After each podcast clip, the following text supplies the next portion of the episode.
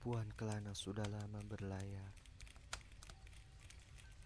tak pernah menyerah sekalipun pada jarak dan waktu. Terletih, terjatuh, tersungkur dalam garis-garis bumi belantara. Goresan tinta terus-menerus ia tuangkan pada lembaran buku. Seorang pujangga berkata, Wahai Puan Kelana, teruslah berjalan dan mencari sampai titik di mana catatanmu tidak ada goresan tinta lagi.